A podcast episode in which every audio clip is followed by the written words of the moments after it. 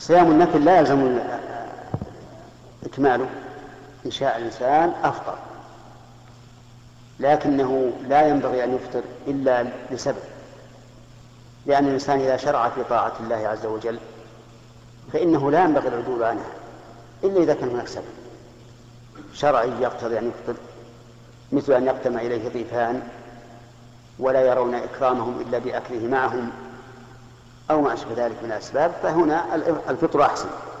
أو يدعوه إنسان إلى إلى وليمة ويرى هذا الداعي أنه لا تطيب نفسه حتى يأكل هذا هذا الصائم فالأكل أفضل. وأما بدون سبب فلا.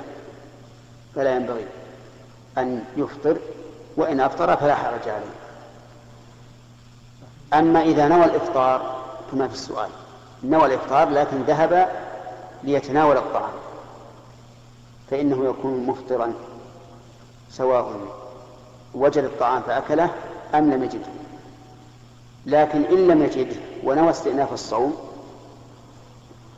ونحن نتكلم على أن الصوم نفل فإنه فإن له ذلك لكنه لا يثاب على هذا اليوم إلا من النية الثانية.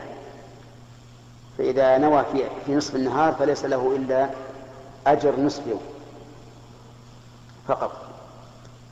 هذا إذا كان نوى الفطر لكن ذهب ليأكل. أما إذا قال سأذهب إلى المطعم إن وجدت شيئا أفطرت وإلا فأنا على صيام فهذا لا ينقطع صومه حتى يجد ما ما يأكله فيفطر. نعم.